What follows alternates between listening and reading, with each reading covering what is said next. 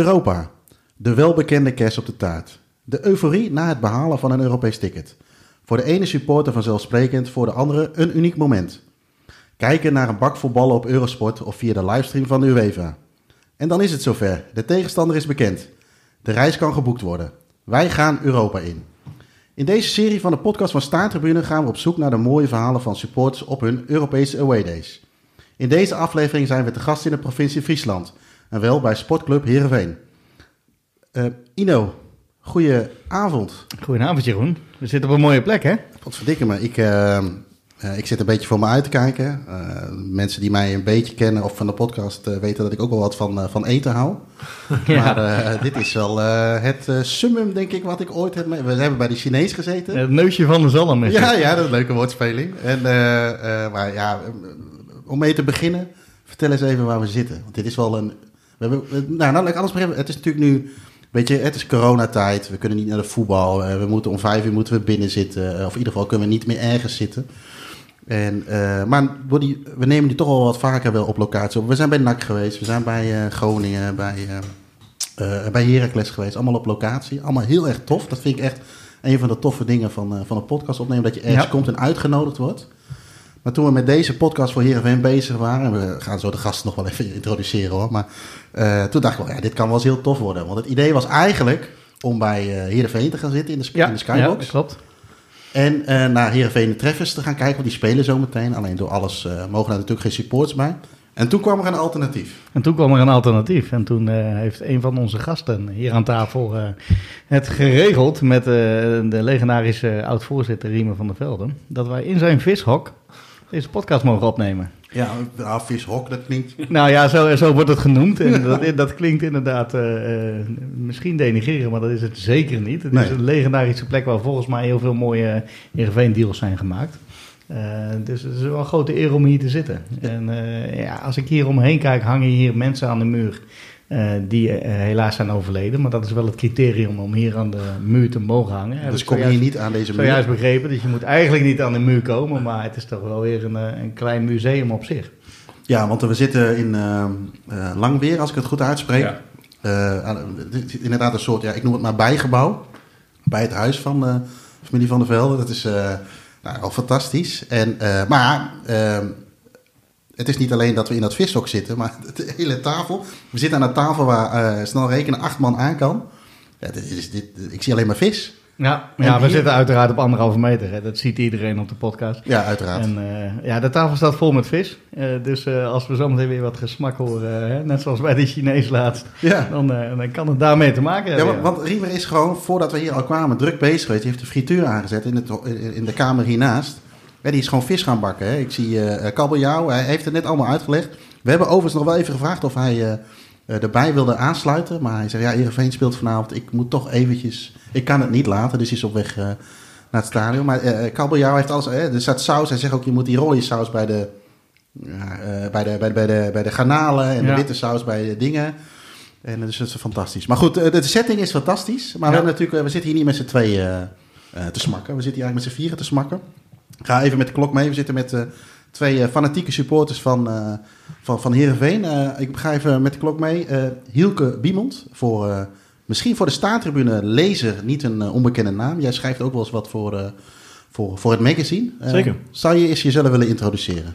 Nou, ik ben betrokken geweest vanaf het begin bij het magazine. Daar ben ik altijd wel trots op. Toen vroeg Joris van der Wier mij van... joh, we willen een een soort reïncarnatie van blad Johan maken. Lijkt het je leuk om eens te komen brainstormen? Dus en ik was journalist van huis uit, ben ik van het, van het Leids Dagblad in, in het Westen. Dus ik zei, oh, kom wel. En toen, dus toen is dat zo dat balletje gaan rollen. En iedereen weet hoe het, hoe het geëindigd is. Hè? Dus uh, de rest was geschiedenis eigenlijk. En, uh, dus daar ben ik altijd erg trots op. En uh, dus ik schrijf nu, zo nu en dan, een, een, artikel voor het blad. En daarnaast ben ik fanatiek supporter van Heerenveen van jongs af aan. En in die hoedanigheid heb ik ook Riemer dus leren kennen wel eens geïnterviewd en zo. En dan, ja, nou, dat klikt wel op de een of andere manier. Dus uh, ik, uh, dacht van... Uh, we waren hier eens eerder geweest met onze eigen podcast, dus Radio Kamataru. En toen hadden we Riemer en Fop in de uitzending. En toen zei hij toch van, ja, joh, weet je, je kunt het altijd als opnamestudio gebruiken hier. En ik, ik bak de vis wel. Dus dat had ik in mijn oren geknoopt. En toen we nu een plek zochten, belde ik hem op. Ik zeg, geldt het aanbod nog? Ja, dat geldt nog. Kom maar langs. En ik bak de vis. Dus nou ja, vandaar. Dus dat was Mooi toch? Die, uh, hij, je komt niks tekort hier. Nee. En wat, wat, doet, uh, wat is Heerenveen voor jou?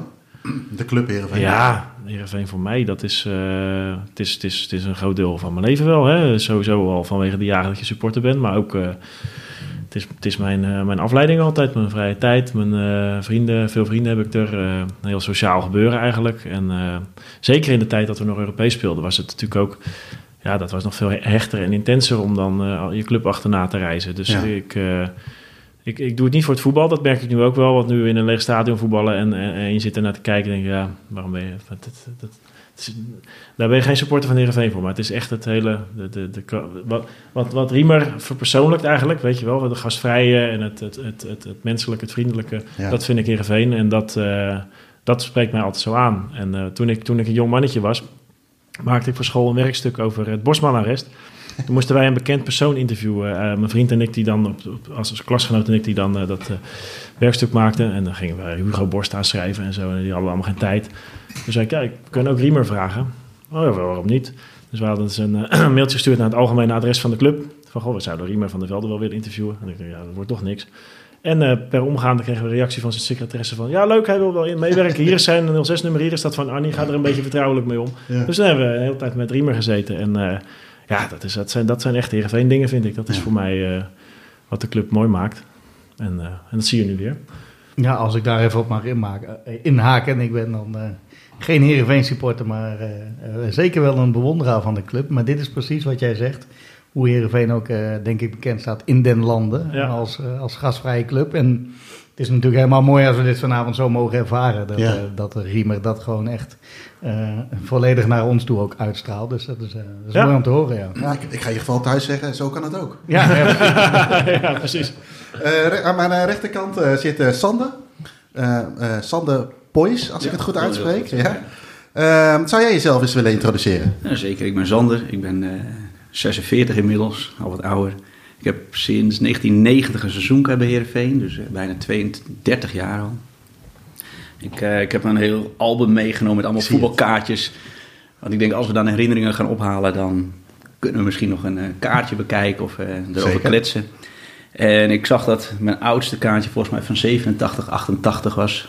na competitie Heerenveen, als een klein mannetje, 13 jaar, 14 jaar. Ja, sinds die tijd is Heerenveen wel altijd in mijn hart geweest. Ja. En ga ik altijd met heel veel plezier naartoe. En ja, sinds ik dan nu... Ik woon in Almere. En moet, je, sorry, stik jij nou in je vis, Ino? Of niet? Zit een graatje of niet? Hè? Graatje, hier en daar zit een graatje. Dat is echte vis. Moet je even inspoelen met die Heineken. Neem een biertje erbij. Nee, maar ik, ik, woon, uh, ik woon al heel lang niet meer in Friesland, dus moet elke keer het stukje op en neer rijden. Ja. En nou ja, in de tijd waar we het vanavond over gaan hebben, deed ik dat, dat met heel veel plezier. Want het waren leuke wedstrijden, ja. leuk voetbal. En wat Hielke ook zegt, de sfeer binnen de club. Uh, straks komen we er nog op terug, maar bij de Europese uitwedstrijden, als je dan even op de spelersbank plaatsnam tijdens de vrije training, was dat geen probleem. Kon je er gewoon even zitten, ging je, volgens mij was die Jan de Jonge, kon je even met hem kletsen. En dan ga je zo weer terug op de tribune. Ja hoor. Ja. Um, dat kon allemaal. Ja. En ik merk wel dat het de laatste tijd veel strenger en strikter is geworden. En dat het voetbal daar wel een rol in speelt dat ik het jammer vind dat er niet meer zo mooi en attractief voetbal wordt gespeeld zoals we dat jaren terug deden. En als je dan toch een beetje aan het mijmeren bent, ik zie hier aan de muur twee foto's hangen van het uh, huidige stadion en het oude stadion. Ja. Uh, ik hoorde net je leeftijd en 13 jaar, uh, kaartje in 87, 88. Ja, dus Snak je nog wel eens terug naar het oude stadion? Zeker. Ik, mijn eerste seizoenkaart was op de Oosttribune samen met mijn vader. En dan zaten we op van die nou, hele kleine plastic tweelatsbankjes was het. Ja. En die waren met, uh, met een soort verf waren die afgetekend en er stond je nummertje op. Nou, prachtig. Maar als 13-jarige heb je een kontje eh, wat heel klein is. Ja. En zelfs daar had ik al moeite om erbij tussen te passen, want het was gewoon echt druk. Het was gewoon uitverkocht. Um, mijn seizoenkaart, heel amateuristisch, fout gespeld. Stickertje erover, over de vorige seizoenkaarthouder die waarschijnlijk niet verlengd had. Maar toen stond ik daar, of zat ik daar op Oost naast mijn vader. En vrienden van mij die stonden op Noord. En dan keek ik en dacht, ja, dat vind ik eigenlijk veel leuker dan uh, zitten. Dus ik denk dat ik vier wedstrijden heb gezeten. Ja. En toen elke keer een los kaartje heb gekocht. En mijn seizoenkaart dus aan een ander heb gegeven. Dat mijn vader altijd met een ander ging. En sinds die tijd stond ik op Noord. Nou, fantastisch. Wat een mooie tijden en echt druk. Weet je, de oude wetsen bijna schuin moeten staan in het stadion omdat je gewoon niet recht kan staan. Zo vol. En ook wedstrijden. Nou, volgens mij als kind eh, ben ik dan bij die beker, eh, nee, bij de, wat was dat? Oh, de play-offs tegen Emmen. Gewoon zo druk dat je dan voor de Oosttribune hadden ze dan eh, nog gras waar je kon staan. Dat is allemaal verkocht. Ja. En dan stond je tegen die hekken aan. Ja, je kon ook niet meer weg, want het was gewoon drie, vier rijen dik. Maar dat zijn wel mooie herinneringen. En dat mis ik echt, hè? die Ja. oude stadions. Dat je lekker ook in de hekken kon hangen of naar beneden kon rennen bij een doelpunt. En nu met al die stoeltjes is, het, is dat wel wat weggenomen. Het is wat meer familiair geworden. hè? Want Ino, jij bent het oude stadion ook nog geweest, toch? Ja, het is een kleine schande dat ik nog nooit in het nieuws ben geweest. Nogmaals, er was vanavond misschien verandering in gekomen, maar dit is een heel mooi alternatief. Maar ik ben wel in de oude geweest inderdaad, met eh, mijn amateurclubje GVV. Ja. Eh, in 92, toen jullie eh, in de finale eh rijk, tot de finale reikten eh, toen. Volgens mij nog als eerste divisieclub of niet? Of Ja, zeker als eerste divisieclub, ja. Ja, met, Was het wel Eredivisieclub geweest eventjes. Maar dat was, We waren wel Eredivisie geweest, maar we speelden in de eerste divisie. Ja, precies. eh, Ja, ja, ja, ja. We speelden toen tegen PSV in Den Bosch. Die twee wedstrijden kan ik me zeker nog goed herinneren. PSV was volgens mij in de allerlaatste minuut werd het gelijk. Dat mensen die waren al weggegaan, ook omdat het gewoon zo druk was dat ze dachten, ja, we gaan het niet meer redden. En toen werd het dus in de laatste minuut 1-1 en in de verlenging wonnen we alsnog. Ja, dat was ook feest hoor. Ja, ja, Ja, terecht. ik vind dat echt geweldig om dat mee te mo- eh, gemaakt te hebben. Ja. Ja, wij scoorden in de laatste minuut een 7-1 eh, tegen jullie. Ja, precies. Ja. Nou, wat, een, wat een gevoel is dat, hè? Ja, prachtig. Iemand moet het doen, hè? En, eh, ja, goed, en het nieuwe stadion natuurlijk. Ik, ik zei het voor de, dat we deze opname begonnen ook al. Wat ik wel heel erg tof vind, is dat onder die tribune aan de lange zijde... dat het gevoelsmatig één grote lange bar is. Dat is het niet, zit wel, hè? Maar één grote supportershome, zeg maar. Dat ik, eh, ja, ik vind, ik vind Heerenveen ook wel een van de leukere uitwedstrijden, zeg maar. Want het in het, ik noem dat de stad, maar in het, in het centrum, zeg maar, is het altijd wel redelijk gemoedelijk. Dorp, Ja. En, eh, en, en als je dan eh, ja, daaronder zit, ja, ik heb wel eens tweede, een, tweede helft gewoon niet aan het veld gezien. Maar ik denk dat hij zo gezellig, daar hangt ook een scherm. Ik vind het allemaal wel prima. En, dus het is het hartstikke, ja, ik vind het wel, wel altijd wel goed, goed toeven hier. Maar over, niet over hier gesproken, maar we hebben het natuurlijk een beetje over ja, Europese uitwedstrijden. Daar hebben jullie ook aardig van kunnen proeven. Eh Hielke, als ik dan even naar jou eh, toe ga. eh, ik zei het al een beetje in de intro, je, plaats je voor Europees voetbal. Ja. En dan heb je natuurlijk die, eh, we hebben over deze week nog wel een hele mooie scenario gehad met de loting voor de Champions League, waar wat misging. Oh ja. Maar goed, daar wordt er geloot. Hè? Eh, eh, Ja. hoe, hoe, hoe, beleefde, hoe beleefde je dat altijd? Want het, het is alweer even geleden natuurlijk Ja. dat jullie Europees hebben gespeeld. Ja, dat is al negen jaar geleden de laatste keer, ja. Precies. Nou, dat, is, dat noemde jij terecht in de, in de, in de intro. Ehm, dat was echt heel spannend, vond ik dat, ja. Want dan, eh, eh, veel spannender dan bij de beker, want dan, eh, in, in Nederland. Maar, want dan weet je, en dan gelijk ook plannen maken, hè, van waar ligt dat? En ik weet wel, als je dan niet thuis was, maar elders bij wedstrijd of zo, dan denk je dan gelijk, oh, waar ligt dat? Of hoe komen we er komen? Waar hebben ze een vliegveld? En, en de mooiste loting voor mij was Portsmouth, omdat dat was mijn favoriete Engelse club al. Ja, En die speelde één keer in de Europe historie hebben ze Europees gespeeld. En precies dat jaar, omdat ze de FA Cup hadden gewonnen, kwamen, speelden wij ook Europees. En eh, toen kwamen we bij ze in de, in de pool terecht. En iedereen had het over AC Milan, want die kwamen Ja. ook. Kijk nou, hier Kijk, daar is er heel- één tel. Hey, even de luisteraars welkom heten. dan. ja. Dan, we, hebben, we hebben de intro hebben we u al genoemd en uw gastvrijheid geroemd. En eh, ik, het is niet om te slijmen, maar de vis is echt eh, fantastisch. Nou, dat is een eh, fantastisch compliment. Daar ben ik blij mee. Ja. Ja. Maar ik u- hoop dat Heerenveen het vanavond net zo goed doet. Want u kunt het toch even niet laten om naar, naar het stadion te gaan. Ja, ik, ik, ik moet er naartoe. Dus vandaar. Ja, helemaal goed. Ehm, nou, ik, ik had graag nog even allerlei vragen ook willen stellen. Want ik kan me ook voorstellen dat u eh, eh, ook nog wel mooie dingen in Europa hebt meegemaakt met andere bestuurders bijvoorbeeld. Zou u misschien één anekdote toch kunnen vertellen? Ja, dat is zoveel. Dat kan ik bijna op dit moment niet bedenken, moet ik je zeggen. Misschien was het leukste wel eh Foppe de Haan. Die heeft altijd de naam dat hij nog wel een rustige jongen is. Maar dan had Leurling een keer zich niet aan de afspraak gehouden bij Olympiakos voor de Champions League. En toen weet ik nog, toen, toen brieste die en was zo verschrikkelijk boos, die Foppe. Na afloop ik, doe dat morgen even, het heeft geen zin vandaag. Ja, dat, dat werkte averecht en hij vloog die kleedkamer in. En die zei, Lurling! Schreeuwde die van alles en nog wat. Volgende dag was Fop ook weer zo groot dat hij zijn excuus maakte. Hij zei, dit ging te ver. Maar Lurling zei later tegen hem, als er weer zo'n situatie op het veld was... dan dacht ik altijd aan jou. Heeft het toch zin gehad? Dat heeft zin gehad. Ja, ja. Nou, veel plezier. Ik ga naar, uh, helemaal goed. Hoe heet dat? Heerenveen. het, het Friese haagje. Succes vanavond. Veel plezier hier met elkaar. Dankjewel. Prima, dank hè. Hoi. Als samen. Als jullie een goed hebben. Zeker. Jullie weten de laatste rond. Annie is thuis, dus we kunnen er altijd storen. Uh, Portsmouth had je, het, uh, had je het over. Ja, nee, we moesten even plaatsmaken voor de grote baas ja, hemzelf. Ja, zeker. Maar, nee, dat was mijn mooiste loting. Want toen, was, toen kwam AC Milan uit de koker. En iedereen was helemaal hoog op de boter. Want dat was de Champions League winnaar van het jaar daarvoor. Ja. Dat was natuurlijk ook heel bijzonder. Ja. Maar dat werd onze thuiswedstrijd. En we, wij speelden toen uit tegen Portsmouth. Want dan speelde je of uit of thuis tegen de club in, dat, in die tijd. In, Ja. de, in de UEFA Cup. Dus ja, dat vond ik zo geweldig. Dus ik kan me herinneren dat ik dat... Dat staat mij als loting echt het meeste bij. En daar ben ik toen met mijn vader, die zit hier ook bij, eh ben ik heen geweest... eh, samen. Ik had net mijn rijbewijs, dus gelijk eh, links, eh, links rijden. Hij werd een beetje slaperig in Engeland. Hij zegt, neem het even over. En ik had echt net mijn rijbewijs. Ik zeg, verdomme, hoe werkt dat hier? Ik- Op die snelweg dacht ik, nou, dat gaat nog wel. Maar toen gingen we eraf en dat Porsche in met al die rotondes. Nou, dat was verschrikkelijk. Maar, eh, maar, dus, maar zodoende, dat was mijn mooiste loting, ja, Porsche. Want, want dat was ook best wel een... ik zit even naar die pool te kijken, terwijl ik nog wat smakkend naar binnen werk. Eerst de Setubal in de Ja. eerste ronde.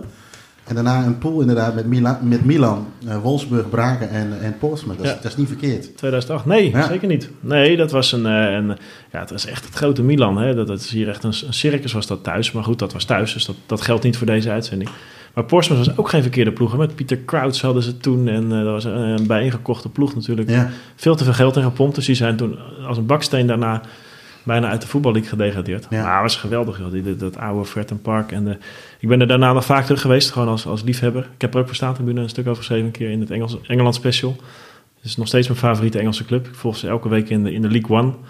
Maar eh, dat was echt eh, een heel bijzondere uitwedstrijd, ja. Dus eh, Sander, wat, wat Hielke net verteld met die, met die loting, Her- herken je dat een beetje? Dat, Ja, want jouw historie, jouw track record gaat al iets verder terug? het gaat iets verder terug. En je zei volgens mij in het begin iets van... dan eh, volg je de livestream op UEFA. Ja, Ehm, dat was toen misschien nog niet. Misschien was dat toen inderdaad helemaal niet. Want ik kan me dan herinneren, eh, Benfica, dat was mijn eerste eh, Europese uitwedstrijd.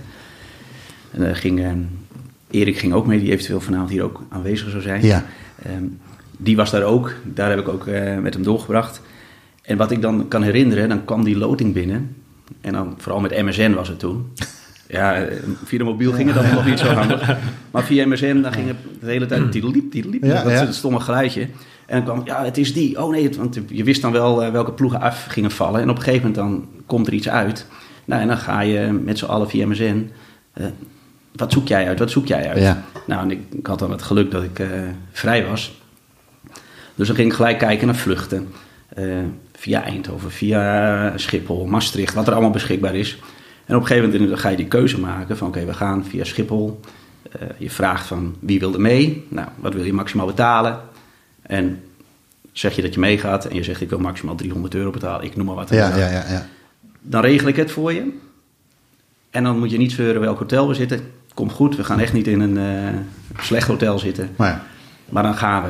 En dan ga ik ervan uit dat je ook meegaat. En meestal dan, eh, houdt dat bij ja, vijf tot tien personen wel op. Omdat het daarna wel echt te veel wordt. Ik vind nog een aardig aantal. Ja, dat vind ik ook een aardig dat, eh, aantal, te regelen. Eh, voor Marseille uit hebben we toen ooit een keer geprobeerd een bus te regelen. En toen hadden we wel een, een 48 man voor een bus. Maar ja, toen puntje bij paaltje kwam om ook met betalingen. Ja, dacht, ja, ik ga dat risico niet nemen. Nee. Ik, ik heb toen gezegd, we gaan, toen zijn we met eh z'n veertienen geweest. En, maar ik ga liever met een klein groepje jongens. En daar komt ook de rest wel. En als je met een klein groepje jongens bent, heb je ook weinig meningen. Ehm, en dan komt het wel goed. Maar ik vind het vooral zo, die loting maakt het spannend. Hè? Als Ja. je weet van we kunnen tegen die club, die club. En dan van tevoren ga je misschien, wat ik wel deed, als je weet dat je naar eh, Italië of naar eh, Spanje kan, al een beetje kijken van stel dat we daar naartoe kunnen, wat is dan handig? ja. Want de prijzen, die dacht ik altijd, die gaan heel snel omhoog. Maar als er vijf man naar Molde vliegen, dan heeft niet Norwegian Airlines daar helemaal niks van toepassing. Nee, maar dat is bij de, bij de clubs die jullie misschien net noemen. Ja, Portsmouth binnen met de auto Ja, gaan. Maar Newcastle bijvoorbeeld, Ja, dat, eh, eh, toen die loting bekend werd, hebben we volgens mij dezelfde avond gelijk de boot geboekt. En daar gingen de prijzen wel, want er gingen 1600 man naartoe. Snel omhoog. ja. En dan denk ik, zolang het maar geboekt is, dan komt het wel goed. En, is het voor jullie ongeacht de tegenstander? Natuurlijk zullen er misschien, hè, je, je, dat noem je net al, wat, wat, wat eh, boekingsuitdagingen zijn. Maar is het ongeacht de tegenstander van, we moeten erheen? Nou nee, vroeger wel hoor, laat ik zeggen. Vroeger, 2004, vond ik het altijd heel leuk. Maar alles wat we hier bespreken is vroeger, hè? Dus ja, precies. Ja. 150 jaar terug, toen ik nog een kind was. Nee, ik, ja, nu zou ik wel heel graag willen. Ja. Maar qua tijd, gezin, is het soms zelfs wat lastiger om... Maar vroeger was dat wel zo, dus ongeacht wat er uit het balletje kwam... Ik weet nog eh, dat we, dat we in, in de laatste, onze laatste Europese campagne in 2012... toen waren we in Boekarest, in de voorronde. Ja. Was ik met Erik ook, waar jij het net over had. En uh, een paar dagen geweest. En we, toen we terugvlogen, was de loting voor de volgende ronde. Die was dan twee weken later al. Hè? Want dat is ook nog zo in die ja. voorronde. Dus dat is heel kort op elkaar. Ja. En ik had dus afgesproken dat ik uh, vanuit Boekarest zou ik doorgaan. Mijn broer werkte in de Franse Alpen. Zou ik daar bij hem op bezoek gaan in een hotel. Dus ik, Erik zette hem in Brussel af op het vliegveld. Want we vlogen via Brussel was gekoopt. En ik door naar de Alpen. En toen onderweg was die loting geweest. Dus wij kwamen uit het vliegtuig. Toen we hebben Molde geloten. Molde, Molde, Molde. Ja, waar ligt dat? Noorwegen. Ja, ja, ja, helemaal boven en ergens in Noorwegen hij moet toch wel heen eigenlijk. En, uh, dus ik zag ook, ook, op internet allemaal al van die discussies van... Uh, ja, hoe, hoe, moet dat dan? Uh, over die binnenwegen is veel te ver. En, en die, die, die vliegtickets waren hartstikke duur. Dus er ging uiteindelijk bijna niemand heen... omdat het enorm ingewikkeld en duur was. Dus ik was net in Frankrijk en, toen belde ik Erik op. Ik zeg, we gaan toch wel? Ja, we gaan wel, zegt hij. Zeg, boek jij dan? Ja, ik boek. Dus wij vliegticket geboekt meteen. En het hotel was geloof ik ook... Het, het, hotel was duurder dan, dan dat we dat de hele reis naar Boekarest plus hotel plus alles erbij. maar we, ze hebben het toch gedaan. En achteraf waren er heel veel uh, medesupporters zeiden, ja, toch moeten gaan, weet je wel. Dat is, Je weet niet dat het de laatste wordt, maar... En het was ook nog eens een prachtige bestemming, maar het was ook gewoon... Prachtig uh, Ja, maar je moet ook gewoon dan een beetje gek zijn en het maar doen. En, en, en achteraf krijg je er eigenlijk nooit spijt van, denk ik. Nee, want dat zijn denk ik ook wel de, weet je, uh, je noemde net Newcastle, Newcastle trouwens een enorme toffe bestemming is, uh, qua voetbal en qua stad. Maar ik denk inderdaad wat jij net noemt, uh, een Molder, maar ik zie ook een Osasuna en uh, een Parma. Nou, we hadden net al, uh, Portugal noemen we net al een paar clubs op. Dat zijn natuurlijk wel een beetje de krenten in de, in de pap. Ja, ik, ik, ik moet eerlijk zeggen dat ik echt voor Oost-Europese tripjes ja. ga. Dat, nou, die, die landen kunnen gewoon niet stuk wat, bij mij. Wat maakt dat voor jou zo mooi? Ik kan me er iets bij voorstellen, maar... Nou, als ik bijvoorbeeld uh, Boekarest, daar ben ik dan uh, twee keer geweest in één seizoen. Uh, eerst voor de, de, pool en daarna nog voor de volgende ronde. Ja, we hebben tegen alle clubs uit Boekarest gespeeld hè, op dat ja. moment. ja. Niet Nationaal, alles seizoen. Rapid ja. en nou ja, dan Dynamo, Dynamo. Steaua. Ja. Maar dat vond ik echt zo geweldig mooi. Het is daar goedkoop. anders? Sowieso anders, maar ook de, de oplichting met taxis die je meemaakt. Uh, dat de drie taxis naar hetzelfde adres en de ene die betaalt acht keer zoveel dan de ander. Ik hou daar wel van. Ja. En ook dat het op zich een negatieve. Ja, vaak hebben mensen iets negatiefs met Oost-Europa. Als je vraagt van, uh, zeker zo uh, in die periode, van ik ga naar Polen op vakantie. Wat moet je daar? Ik denk, nou, blijf jij maar lekker denken dat Polen niet leuk is. Ja. Ik ga er wel naartoe, want Krakau is een superstad. En zo heb ik dat dus ook in Boekarest ervaren. Geweldig. Ja halve liters of hele liters bier. Ik weet het niet meer. Volgende week zijn het anderhalve liters als ik het vertel. Maar die kost een euro. En dan zit je daar in een tent waar de, de dames naakt op tafel dansen. En jij staat daar gewoon je bier te drinken. Nou, hou ik van. Ja, ik, ik, ik, ik, hoor nog steeds ook niks geks, zeg ik altijd dan maar. Maar het klinkt heel uh, Ik vind dat heel echt gezellig, fantastisch ja. als je Ja. daar naartoe gaat. En nou, Ostrava ook. Daar heb Ja, maar je moet even bij Boekarest blijven. Nog, Oh. Want daar moest je echt moeite doen om de taxichauffeur je naar het stadion te laten brengen. Merkten wij. Want ik ben, ik ben er een andere keer Ja. geweest. De laatste keer in, eh, tegen Rappi.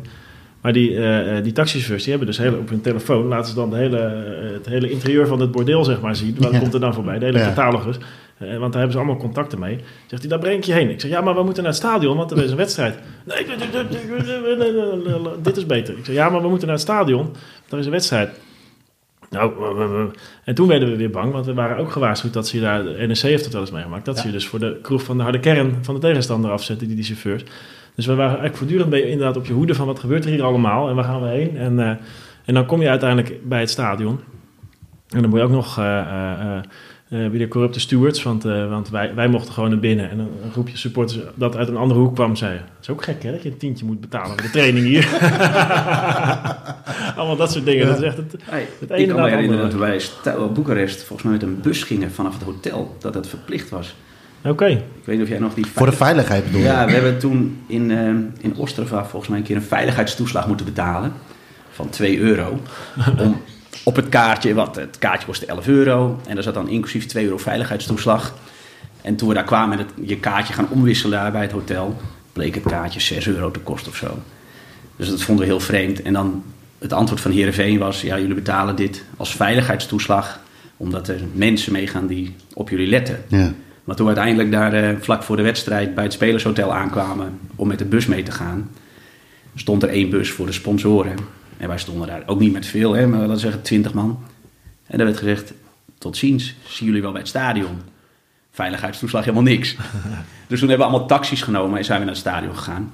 Maar daar hebben ze wel volgens mij van geleerd. Want bij uh, Steel Boekarest hadden ze dus bussen geregeld voor ons. En dan moesten we met de bus naar het stadion. Oh, Oké, nou ja, dat, dat was van korte duur. maar dat was, ook, dat was ook een mooi verhaal. Want wij hadden thuis met 1-0 verloren. Nee, met 3-1 verloren van Steel Boekarest. Ja. En Heerenveen die kijkt dan altijd op de website of hè, de kaartjes. Het was een van de weinige keren dat we Europees overwinterden. Hè? Twee keer hebben we dat, is ons dat gelukt. Uh, dat was de ene keer. Dat was, in, de, keer, ja. in, de, in de volgende, zeg maar, na, Europa, na de winter. in, de, in februari, ja. ja. En toen hadden wij dus uh, kaarten gekocht. En Heerenveen die, had dan, die kijkt dan op die, uh, wat was het, ticketbox. En dan kun je zien, er zijn tien kaarten verkocht.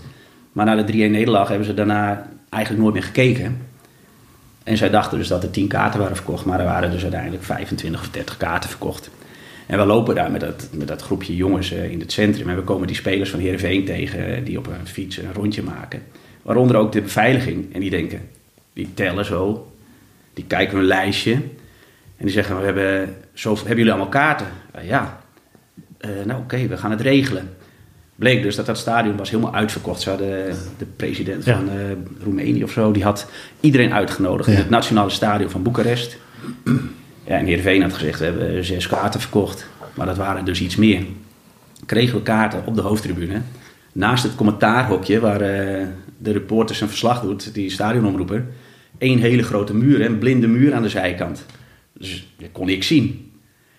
We zijn, uiteindelijk zijn we naar beneden gelopen met z'n allen. En dan konden we daar staan. Maar dat, was dan met, dat vind ik dan het mooie eraan, dat je daar toch... Je krijgt kaarten voor de hoofdtribune, ja, ja. maar het zijn eigenlijk uh, kaarten bij, bij uitvakken zie je helemaal niks daar. Want, want uh, jullie, uh, we hebben natuurlijk al een beetje wat dingetjes voorbesproken. Ik zie hier ook nog een, een opmerking van Boekarest met een verloren paspoort. Ja, ja. Wij waren daar, volgens mij was het ook tegen Steel Boekarest. En we waren op stap geweest naar de Bavaria Club aanrader als je er ooit komt. Is alleen maar gratis bier of, van Bavaria? Of? Nou, nee, dat, dat is die tent waar de vrouwen uh, naakt stonden. Wat mooi is, dan zal ik het verhaal dan helemaal vertellen. We Steel Boekarest, we kwamen eraan op een, een, woensdagavond. Volgens mij donderdagavond was de wedstrijd. Gelijk naar die club.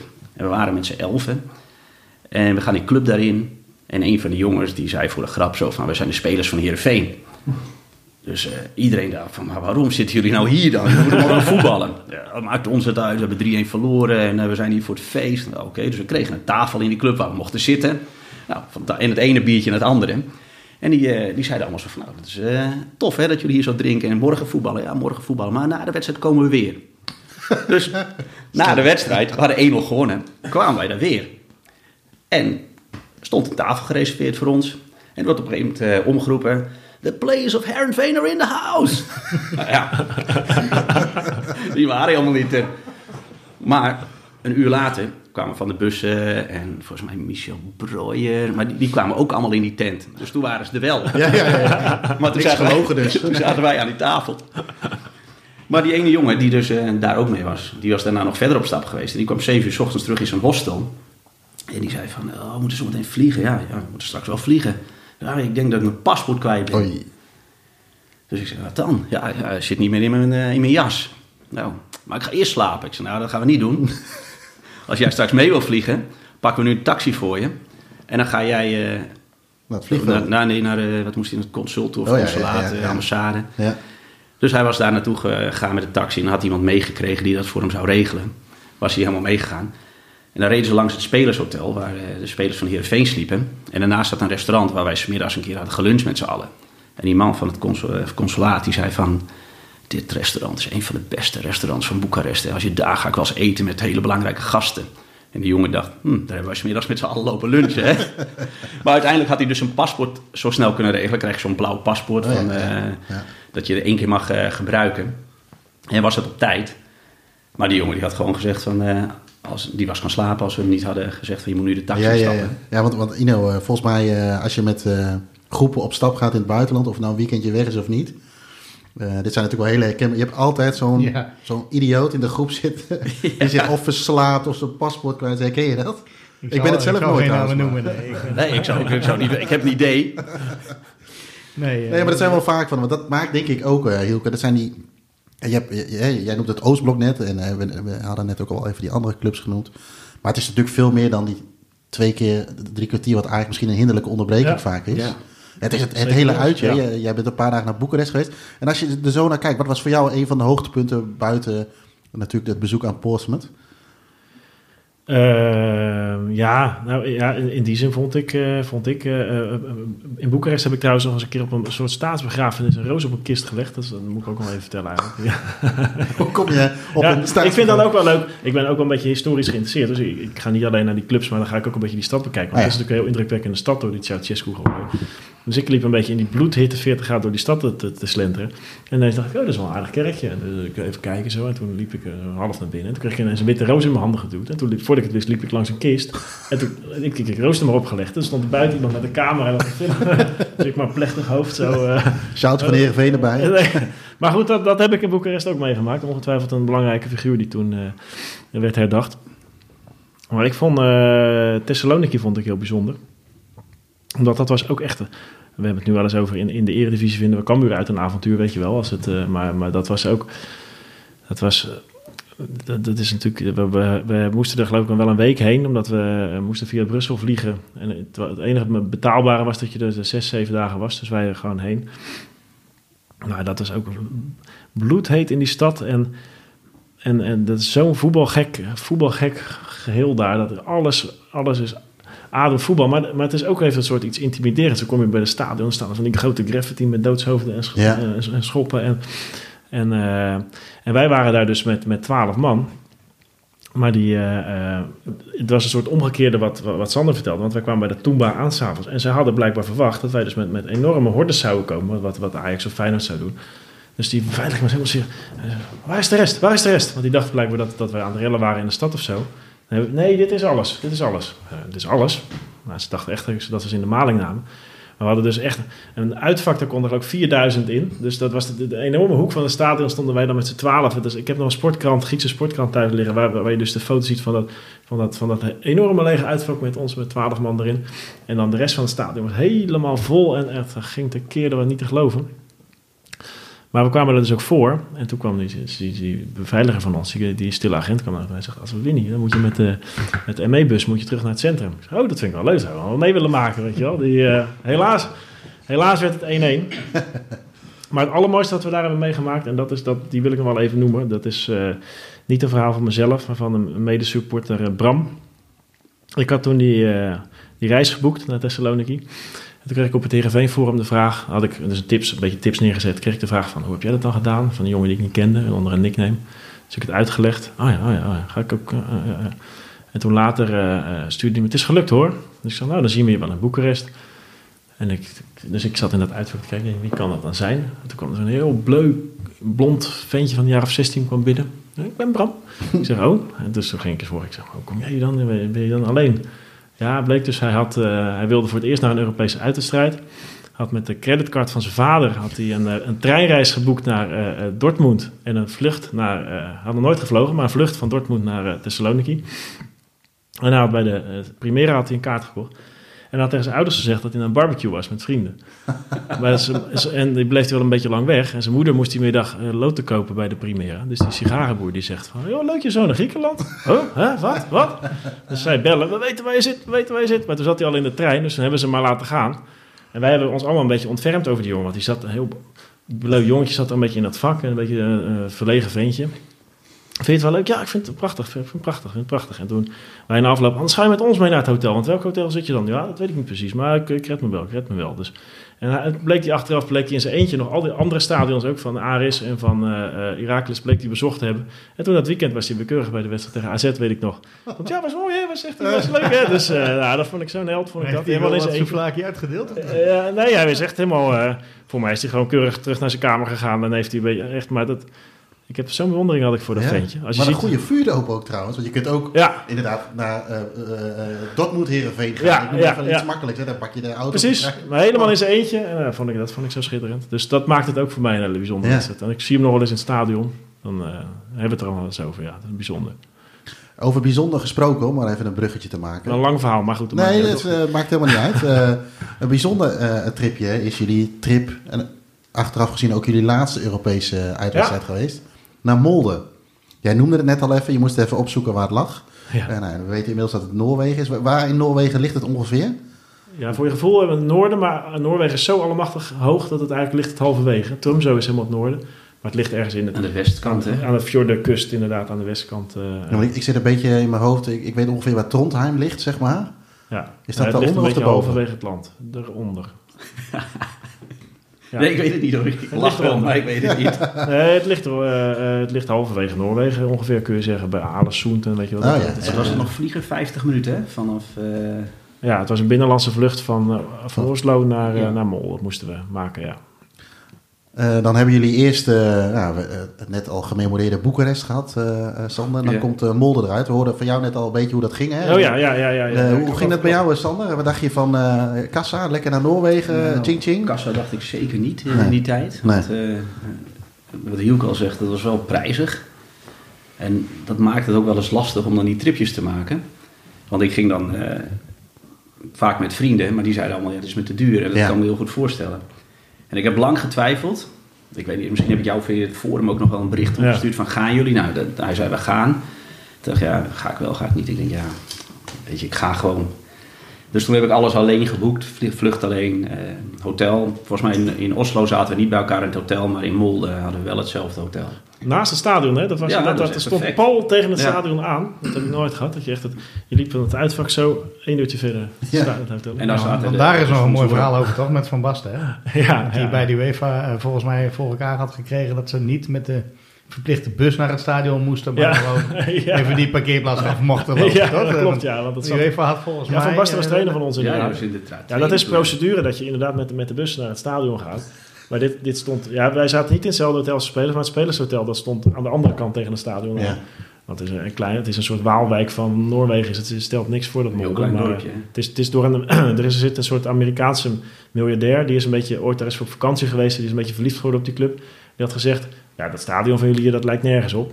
Uh, bouw maar een nieuwe, daar aan het water. En ik betaal het wel. Dus die hebben een schitterend uh, soort, ja, een beetje Goffertachtige grootte, denk ik, is het uh, aan, aan, het water uh, staan. En uh, dat heb, heb ik helemaal zelf betaald. En, en, sindsdien is die club behoorlijk met... met toen wij er waren, was Ole Gunnar Solskjaer was trainer. Dus ze zat behoorlijk in de lift. Ja. Stadvoetballer, ja, toch? Daniel Westland, onze, oude, onze ja. oudspeler. Ja, maar het was schitterend landschap natuurlijk ook. Die, ja, en we zijn daar de kroeg in geweest. Nou, wat betaalde je? 9 euro voor een halve liter? Ja. Nou, nog, nog één stap terug, nog even ja. naar het, organiseren. Hè. Je, uh, jullie zijn gevlogen naar, naar Molde? Of met ja, eerst, eerst naar Oslo. Daar heb ik ja? een nachtje geslapen. Ja, een paar, uur, moest, een paar uur op het vliegveld. Nou, want er was alweer aansluitende lucht. Was, uh... Daarna ben ik naar Molde gevlogen. Ja. En dat allemaal alleen. En in Molde kwam ik jullie tegen. Nee, wij zaten met elkaar op de vlucht. Alle vijf supporters zaten vanaf Schiphol. Ja, echt? Hetzelfde vliegtuig. Weet ik. geen indruk gemaakt. Nee, geen indruk nee, we, zijn, we waren met vijf supporters en iedereen zat op, heen op hetzelfde vliegtuig. Oké. Okay, want, nou, want een van die vijf is, is jarenlang reisleider geweest. Uh, had een eigen reisbureau. En die zei toen van, dat is gek hè, dat je een omelet bij moest boeken. En toen zei hij, omelet bij moest boeken, Arnoud. En ik zei, nee, maar dat hoeft helemaal niet. Dat, dat, jawel, dat moest. En uh, uh, wij, nee, dat hoeft niet, Arnoud. En toen kwamen ze in de vliegtuig. kwamen dus één omelet van het Dat vonden wij zo leuk. Ah ja, nu dat zegt, ja, dat zegt ja, wel wat. Ja, toch? Uh... Ja, wat, wat, wat voor gezelschap was dat uiteindelijk? Want jij was nou, alleen, ja. jij was met, uh, met Maat van jou, ja. ja. met Erik, ja. ja. En dan hou ik er nog twee over. Ja, nou ja, Arnoud, Arnoud is, is wat ouder. ouder die is, uh, ik zal hem uh, voordeel van de twijfel geven, 65. Jaren 50 is die de... Dat is wat oudere fan en die, die kwam altijd uit en thuis. Kwam ja. die. En uh, die heb ik Europese wedstrijden veel gezien. Zeker. Benfica ben ik met hem, was jij er ook. Heb ja. op het terras met hem gezeten. Altijd ja. een leuke man. En, uh, hij is nu wat ouder. Ik weet niet of hij nu nog vaak... Hij heeft seizoenkaart, maar... ik kom hem nu niet meer zo vaak nee. tegen bij het voetbal. Nee. Uitwedstrijden heb ik hem volgens mij nog één keer gezien afgelopen jaar. En die andere supporter, moet zeggen, die ken ik niet. Libbe heet hij. Ja, dat is de jongen die... Uh, dat, dat, is ook wel leuk. Met, met, met, dat soort wedstrijden duiken dan altijd figuren op die je dan verder nooit zo erg ziet. Maar die zie je dan of alleen bij uitwedstrijden of, alleen, gaan. of ja. alleen bij dat soort wedstrijden. Ja. Weet je wel, dan, die, die zie je dan nooit. En dan spelen we een oefenwedstrijd Europees uit tegen Anderlecht. En dan komen ze weer en dan denk ik, hé, dan heb je ze weer. Weet je wel. Dus, maar hij, dat is ook zo een. Die, die weet je dan van, oh, die komt. Dus... Ja. Uh, En die vond het te duur op het hotel op Oslo. Dus die heeft de hele nacht met zijn voeten over zijn koffer... heeft hij op de luchthaven heeft hij in de stoel gezeten. Ja, maar dan wel 9 euro voor een beetje betalen. Ja, Maar ja, dat dronken we heel langzaam op. Ja. Ja. Ja, die, die gasten gingen vertellen wat ze dan verdienden. En ik denk, ja, als je dat verdient, dan kan je wel een biertje betalen. Hè? Als je als eh, Noorwegen-inwoner, of hè, de Molde-inwoner, dat kan je betalen. Wat, waar moeten we dan eh, aan denken? Nou, volgens mij was dat eh 4200 euro of zo, wat dan eh, een minimum Ja, dat was. is, ja, Dat was echt veel geld. ja. En er waren daar dus ook het leuke was, we waren in het supporterscafé van Molde dan eh, vooraf. En er waren ook twee Nederlanders. Want het waren, eentje was een Rotterdammer, die was ooit, die was het leven daar zat en die had problemen en zo. Die is met zijn motor was die, was die naar Noorwegen gereden. Hij zegt, ik weet niet eens meer wat er met mijn huis is gebeurd en alles, maar ik ben gewoon erheen gereden. En ik heb daar een nieuw bestaan opgebouwd in de olieindustrie geloof ik, of in de visserij, ik weet niet meer. En die was daar ook Molde supporter geworden. Die zat in de, in de supportersvereniging. En die andere was een vrouw, die was voorzitter zelfs geloof ik van de supportersvereniging. Die sprak ook Nederlands. Dus wij werden ook meteen al helemaal welkom geheten en... eh, nou, over gastvrijheid gesproken in het begin, dat, dat heb ik nooit zo meegemaakt als daar. Want we kwamen net uit Boekarest, waar we dus jongens achter ons echt nog moesten rennen voor, voor die gekken daar van, Ja. van Rapid. Ja. En wij waren net op tijd weg. Maar bij Molde was het dus zo. In dat supporterscafé was het, wat is jullie clublied? Ik zeg, clublied? Ja, gingen ze even op YouTube, gingen ze dan ons clublied intikken. En dan werd dat door dat hele café werd dat gedraaid aan de kant ik moet het stadion. En, eh, en wij hadden Bergest, dat was onze oudspeler, die daar dan de grote man op dit moment was. Dus dat vond ze ook al, al machtig interessant. Maar het waren ook ontzettend, echt ontzettend aardige mensen. En, eh, en toen zei hij op een gegeven moment, die ene kerel, hij zegt, tikte zo naar mijn biertje. Hij zegt, waarom, waarom drink je niet dan? Ik zeg, hebben jullie prijzen gezet? hij zegt, oh, is dat het? Nou, dan krijg je het van ons, weet je wel. Dus toen, eh, toen Ja, het, eh, en de volgende dag, tenminste na de, na de wedstrijd, ja, kwam die knakker met zijn oude, oude brikken wagen kwam je aan. ja. Gingen we daarin en dan bracht hij ons naar de top van, ja, de, van de berg. precies. Want ik vroeg aan hem, ik zei van, eh, een oudere man, oudere supporter van Molde. Ik zeg tegen hem, ik zeg, wat is hier eigenlijk verder nog te doen? Want ik zeg, morgen hebben we, na, na de wedstrijd hebben we nog een, een, een poosje over voordat we terugvliegen. Hij zegt, ja, niet zoveel. Ik zeg, oh, nou, mooi is dat dan. Hij zegt, ja, je kunt om 12 uur naar het eh, supporterscafé komen hier, zegt hij. Want dan zitten we altijd eh, in de fanshop, hadden ze dan een koffiehoekje. Hij zegt, komt Ber- Bergest, dat komt ook altijd. En dan kunnen we even praten. Ik zeg, oh, dat vind ik wel gezellig. Maar ik zeg, maar kunnen we ook nog iets van de omgeving zien? Want die had al die fjorden en zo. We Ja. waren ook met alle vijfde supporters waren we op die boot al die fjorden Ja, gaan bekijken ja. op de wedstrijddag zelf. Hij zegt, nou, weet je wat? Hij zegt, eh, je hebt hier een schitterend uitzichtpunt hierboven. Daar kun je alles zien. Ik zeg, maar hoe komen we daar dan? Hij zegt, oh, ik breng je wel. Dus eh, wij inderdaad de volgende dag naar dat café. En toen kwam hij in zijn oude Volkswagen, Volvo, ik weet niet meer wat het Ja, was. Herstad heb ik niet gezien. Nee, die was er niet. die, wa- die was de overwinning weer aan het vieren. Maar wij met die mannen boven. Hè, inderdaad, een prachtig, eh, prachtig punt. En dan zag je ook dat stadion zo... je moet er maar zo de, de luisteraars moeten maar eens opzoeken op Google van. Dat, eh, prachtig aan dat water liggen in die, in die fjordenlandschap. Nou, dat is echt, echt, echt schitterend. Dus dat was eh, het toppunt van... eh, Ja, Van nou, ik vond de, de training ook leuk daar. ja, Die gingen Ja. ze, eh, ja, dus niet in het Molderstadion, maar een, een amateurveldje, denk ik. een oude stadion was dat. Dat was het oude Ja. stadion. En dan gingen ze op een gegeven moment latje trap doen. En dan degene die verloor van de, van de spelers, die moest het Fries volkslied zingen. Degene die als laatste de lat raakte. ja, Nou, jij weet vast nog wie dat was, maar Doken Smit volgens mij. ja, ik, ik, ik weet het echt niet. Maar Nee. er moest dus volgens mij iemand die het lied niet kent, Oh ja, ja, ja, eh, gaan zingen. Ja, ja. En dat had Van Basten toen als een soort eh teambuildingsuitje gedaan. Ja, dat is waar, ja. Ja, het zo zegt. Die, van Basten, ja, dat was ook een bijzondere natuurlijk, eh, belevenis op dat moment. Ja, Van Basten tegen Solskjaer. Hè? Dat Ja, zijn, ja, eh, ja. Twee, nou, de eh, toptrainers, namen- daar ben ik niet met je eens, maar topvoetballers waren het zeker. Ja. ja. Dat was ook een belevenis, ja, dat die trainer bij ons werd, ja. Is, eh, is, is Molde voor jou een hoogtepunt, eh, Sander, in jouw... eh, misschien omdat je met z'n vijven was? Want deden, kreeg je nog extra aandacht van de club bijvoorbeeld? Omdat jullie maar met z'n vijven waren? Of? Nee, ja, ik kwam een sponsor tegen van Heerenveen, die, Ja. eh, de hoofdsponsor, denk ik dat het... eh, en die had ik natuurlijk bij andere tripjes wel gezien, dus die zei van, hey, zijn jullie er ook weer? Dus qua herkenning is het wel leuk, maar Ik, ik hoef ook niet iets bijzonders of zo van de club. Ik vind het niet echt noodzakelijk. ik weet nog dat we die wedstrijd daarvoor was Robert Veenstra, de toenmalige directeur, was ons op die tribune in, in Boekarest welkom wezen heten. en dus toen was er tijdens de training een praatje met hem staan maken. Die later overigens verjaagd is werkelijk bij de club, want het, die, maakt er een puinhoop van. Maar toen stond daar in dat uitvak en toen kwam hij zo naar dat hoekje vanaf de hoofdtribune. En toen zag hij mij, dus toen stond hij mij te roepen. Dat vond ik wel een soort gênant, weet ik nog altijd. Want ik denk, ja, we staan hier met z'n vijven.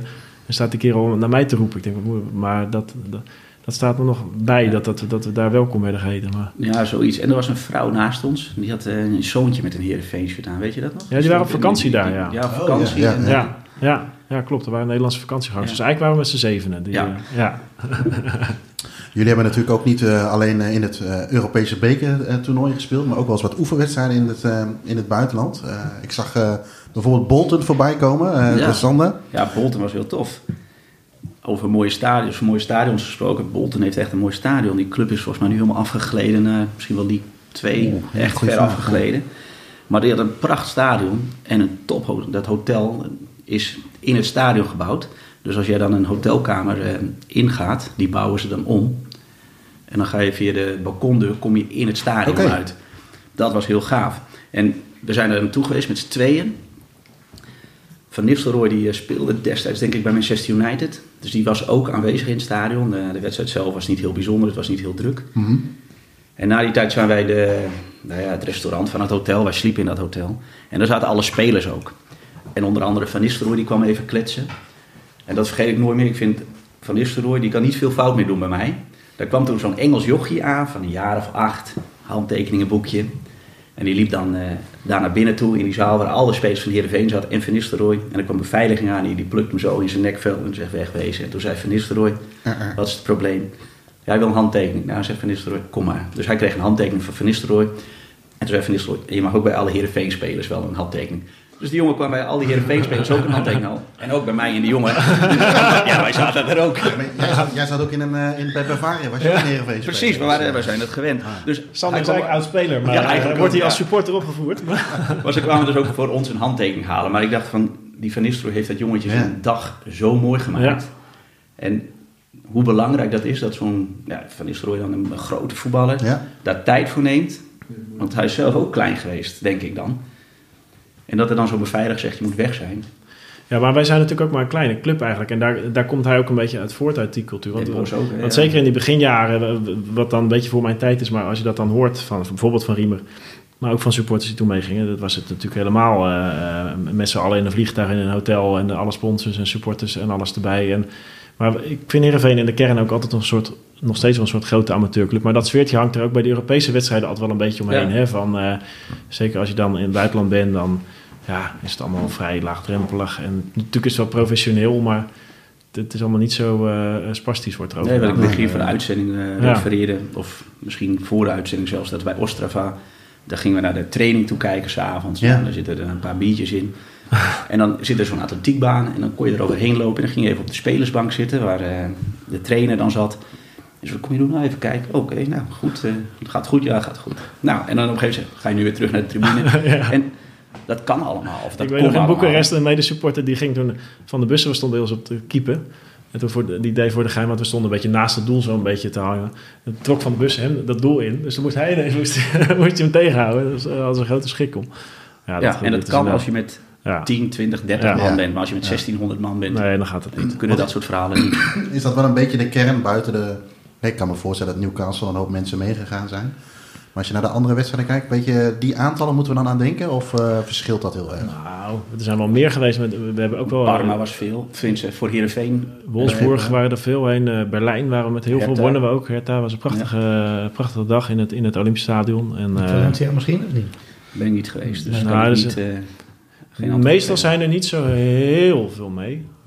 Maar ik, ik het werd ook een beetje gewoon hè, op een gegeven moment. Ja. En dat, uh, kijk, ja, en we hebben, als je vier wedstrijden ja, we, hebben jarenlang, we hebben jarenlang Europees gespeeld. Dus dan dachten mensen, wat je misschien nu bij AZ wel eens hebt...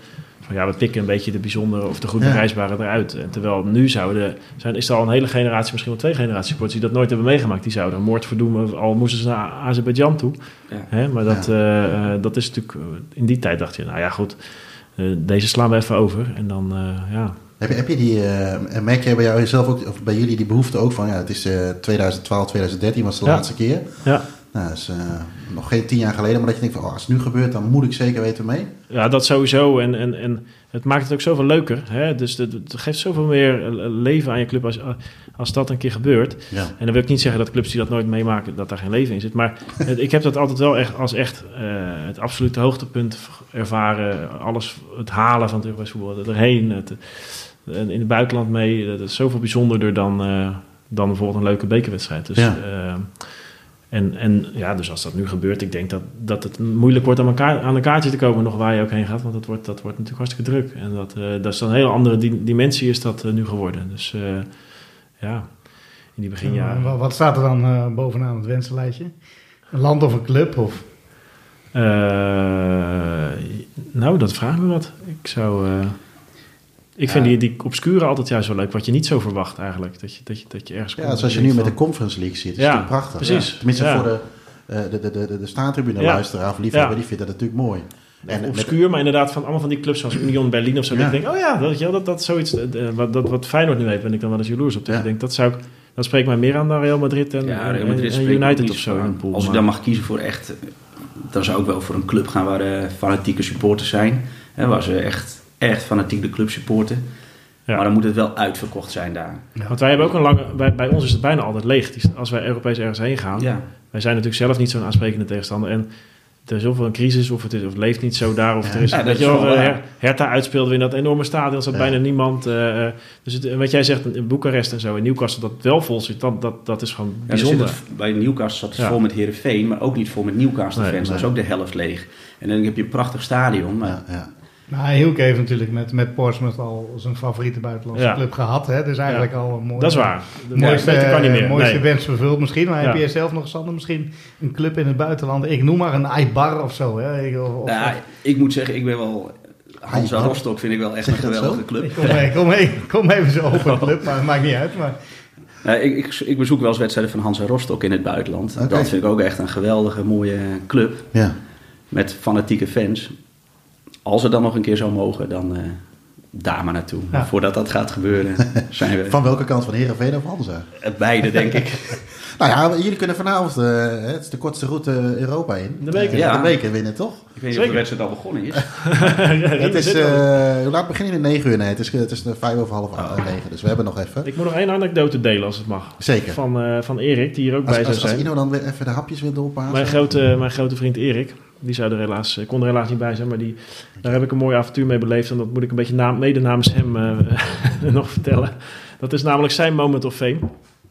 Erik heeft jarenlang een supporterswebsite gehad eh, waarin hij alle wedstrijden fotoverslagen deed. Dus een beetje, een beetje bekende Heerenveen supporter is dat ook eh, eh, al door daardoor geworden. En eh, we hebben een eh, op zich niet eens zo heel bijzondere uitwedstrijd meegemaakt tegen Sporting Lissabon. Mhm. Wat ik een beetje een saaie club vond eerlijk gezegd. Eh, maar wel een prachtige stad. Ja. Maar, ehm, maar wij gingen dan ook altijd natuurlijk in die stad, en dat doen voor mij heel veel bezoekers, gaan dan ook al die andere stadions even bezoeken hè, die er in zo'n stad zijn. Dus wij gingen eh, naar, eh, natuurlijk naar Benfica, maar ook naar eh, Estrella Amadora, zagen wij dat dat bestond. Dat bestaat inmiddels niet meer, heb ik begrepen. Maar een klein clubje in, een, in een, een levensgevaarlijke buitenwijk, maar dat wisten wij toen nog niet. Dat schijnt een hele beruchte buurt, daar een beetje aan de rand, dus wij met de trein daarheen. En, het was een beetje, wij zagen wel dat het een beetje een groezelige, groezelige buurt was. En we kwamen daar een verschrikkelijk Aghenebbe stadionnetje aan. Nou, dat moest het dan zijn. We hebben bij de, bij de fanshop gevraagd van... God, we zijn hier een supporters, we komen hier spelen. Kunnen we, kunnen we hier het stadion even bezoeken? Nou, nou, geen vrouw. En eh, Erik zegt, nou, ik koop wel een sjaal. Nou, dan werd ze al wat vrolijker. En eh, ik heb een sjaaltje gekocht. En toen zegt ze, wacht, kwam er een oud mannetje aan. Dat was de eigenaar. Dat was een bingo, een soort, een soort gokmagnaat. Hij wees een groot Bingo, heet dat. Dat een, blijkbaar een soort gokbedrijf daar. Die was de eigenaar van die club. En dat veld, dat zag er werkelijk niet uit. Dat was hobbelig. En dat was... Maar die man die was zo enthousiast geworden. Die ging als een soort riemer hier. Die ging ons een hele rondleiding geven over, door, dat, door het hele stadionnetje. En we kwamen in een ruimte waar werd getafeltennis. En dan gingen we ons aan de coach voorstellen en aan de speelster. En dit Dut- Dutch people. En, ehm, en, en, en het was allemaal, kwam allemaal goed. Weet je wel, dat, dat, dat het gras er niet uitzag. Dat was een virus. Maar dat trok wel weer weg. En de, de club, ja... Het zat niet helemaal mee, maar het kwam allemaal weer goed. Nou, het niet veel later is de club dus uh, failliet gegaan. En, uh, uh, maar Erik die, die, die had er dus helemaal zin in, want die zag een bal liggen. Dus Erik zegt, can I take penalty? Zegt hij.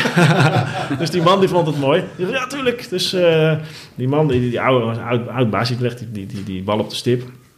Dus Erik die penalty en ik foto maken. Dus ik heb al, al een foto dat hij penalty benut bij Estrella Amadora als supporter. En dat is, dat is zijn uh, moment Zijn of fame. moment ja. of fame, ja, mooi. En, de club is trouwens opnieuw opgericht. Dus opnieuw opgericht, oké. Okay. Ja, we hebben Ino is uh, fan-owned. Uh, ja. Portugal liefhebber. Uh, oh, dat is het. Ja, ik heb er wel eens wat over gelezen. Misschien wel in staantribune zelfs, of niet? Of op de website. Ja, maar, ja, of, of, op een ander platform. Wat, ja, ik heb wat het, onze passie deelt. Ja, ja, oh, dat was het. Ja. Dat, ik heb er een tijdje geleden een verhaal over gezien. Maar het is, uh, nou, dat doet me deugd. Dus moeten we er weer eens heen eigenlijk. Die uh, Estrella ja, Amadora. Heb een schitterende sjaal. volgens mij nog in hetzelfde stadion. De Gouden Ster. Oké, okay, nou. Moeten we nog eens heen. Maar dat, was, dat, was, dat zijn ook mooie dingen die je dan meemaakt. Die, uh, ja, dat je gewoon in, in, van dat soort gekke ja. stadionnetjes komt. En uh, dat vind ik eigenlijk nog het leukste eigenlijk. Want die hele, die hele wedstrijd tegen dat, dat Sporting, dat, dat, dat was eigenlijk minder daarbij vergeleken. Ja. Hoewel we 1-1 speelden. Best wel knap. Maar... Zijn jullie wel eens... Ja, ben je, ik, ik, zat me net te bedenken, ik heb me voor, hè, als Feyenoord of Ajax Europa ingaat, komt er toch een naam de stad binnen. Ja. Uh, en dan zet de stad soms ook nog wel eens op scherp. Hoe, hoe werden jullie eigenlijk ontvangen? Ik kan me voorstellen dat misschien in het Oostblok wel eens wat anders was. Want daar ja. jagen ze op alles wat maar beweegt. Volgens mij heb ik er wel eens het idee. Maar hebben jullie je wel eens ergens onveilig gevoeld? Of zijn jullie wel eens ergens in de problemen gekomen? Nou, wij hebben wel vaak last van de reputatie van Ajax en Feyenoord. Dat wel. ja. Want wij zijn bij, bij, dan kwam je bij Hertha, nou, dan ben je met, met, met ME honden, je de, de, de, rond het stadion en dan ben je honderdduizend keer gefouilleerd, weet je wel. En, uh, en, en zeker in Duitsland en dat soort landen waren ze echt wel beducht, gewoon een, een Nederlandse club. Dus maar we hebben ook heel vaak dat maar dan heb je het meer over de politie. De politie. Oh, de tegenstander. Ik weet niet of jij het over de. Nou, gewoon in het, algemene fans of de politie. Ja, weet je, hoe werd je ontvangen? Als, uh, wat, wat ik kan me voorstellen, en, en, als, als Nederlandse clubs hebben we ja. niet een hele dennende reputatie in tijd gehad in Europa, zeg maar. Over het algemeen nou, denk ik, dat Ik ben altijd wel, uh, prima ontvangen. Ja. Ik, ik, heb geen uh, problemen gehad. Alleen Ostrava ging het gerucht dat ze op zoek waren, maar Niks gezien. ik heb ze niet gezien. Nee. Uh, misschien hebben ze jou wel gezien. misschien hebben ze wel, we, zijn er, we, zijn er daar wel achteraan gezeten in Ostrava, dat weet ik wel, ja. Ja, ja. Nee, wij, wij geen last van gehad. Nee. Um, Marseille was prima. Uh, Hoor je ook wel eens andere verhalen over? Ook zeker. Ja. Zagreb hebben we gespeeld, dat er is allemaal goed gegaan. Dus in die zin denk ik, wat je uitstraalt krijg je terug. Hè? Dus dat, uh, ja, ja, waarschijnlijk wel. Lissabon was altijd gezellig. En de ja. Was ook in de ja, supporterskroeg kunnen zitten, biertjes gaan drinken. Ja. Weet je, daar waren we ook maar met, met z'n zessen. En ik weet niet hoeveel er in totaal waren, maar wij waren maar met z'n zes in dat kroegje. Dus dan gebeurt er ook nooit zo snel iets. Want ja, dan straal je het ook niet echt Toevallig had ik laatst een, uh, zat ik met een goede vriend van me, die is voor Feyenoord, die was laatst dan in Berlijn geweest tegen Union. En die zat dan te vertellen hoe het daar ging, weet je wel. Dat ze de trein niet in mochten en dat ze allemaal, dat de, de supporters van Union moesten geloof met de metro en zij met dat, dat trein en dat we het allemaal uit elkaar gehouden. Maar wij zaten daar gewoon in, die, in, in een schnitzelcafé op de Unter der Linden met de hele Heerenveen pub vol, weet je wel. dat was allemaal helemaal gezellig en... Uh, en helemaal niks aan de hand natuurlijk. En we liepen gewoon, uh, we, zaten, parkeerden de auto, we liepen naar het stadion. En dus, maar ik ben blij dat dat ook zo kan bij Heerenveen. Ja, ja, ja. ja. Weet je, ik wil mijn zoontje neem ik vaak naar uitwedstrijden nu. Ja. En ja, mochten we Europees gaan spelen... Gaat hij ook mee? Nou, dat zou ik wel willen. Ik, weet niet of hij het nog wil. Nou, of hij boekt het zelf, als hij dit gehoord heeft. Hij is nu 11, dus dan... Uh, tegen die, tegen die tijd naar Dortmund. tegen die tijd is hij 31, dus dan uh, neemt hij jou mee. Neemt hij mij mee in mijn rolstoel. Ja. Ja, maar ik denk dat Riemen nu met een missie naar het stadion oh, ja, dat is waar, komt helemaal goed. Ja, ja. Nee, maar ik zou dat wel echt gaaf vinden als ik gewoon met mijn eigen zoon naar een Europese uitwedstrijd kan gaan en dan uh, samen een biertje drinken. Of, uh, ah, je zag het twee jaar geleden al in Sunderland toen we daar oefenden. Dan zag je ook uh, bijvoorbeeld Sietse die dan met zijn zoontje, weet je wel, dat is bijzonder, wel bijzondere momenten zijn. Ja, maar je, ziet, ja, dat komt dat ik natuurlijk ouder ben, maar ik zie al die jongens waar ik vroeg mee in het vak stond, die hebben allemaal kinderen nu. Ja. En die komen ook. En zo zie je toch dat er wel een aanwas is van jongere generatie. Ja. En ja. ja, ik zie dat wel bij, bij die jongens. Verder in het stadion mis ik het wel hoor. Op, ja, maar bijvoorbeeld Edward, de oprichter, een van de oprichters van Nieuw-Noord, van de supportersvereniging, die zijn zoon is nu best wel fanatiek. Uh, staat ook in uh, ja. Nieuw-Noord. Ja, zo zie je dat wel. Ja, leuke stad. Uh, ja. Ja. Nou ja, laten we hopen dat. Uh, over een kwartiertje begint de wedstrijd. Die wil ik jullie niet ontnemen. Maar laten we hopen dat Heerenveen gauw weer het, uh, eh, Europa in mag. Ja, wij mogen kijken, hè, want we zijn welkom bij Annie nu thuis. Ja, maar is er niet, maar Annie die uh, zit bij de tv. En we dus- hoorden ook dat de drank was ook bij Annie, dus ja. Uh, dat dat één op één aan elkaar gerelateerd is. Nou, afronden. ja.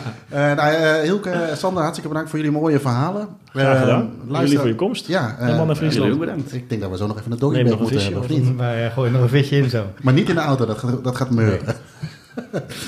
luisteraars, bedankt voor het luisteren naar deze aflevering van de podcast van Staantribune.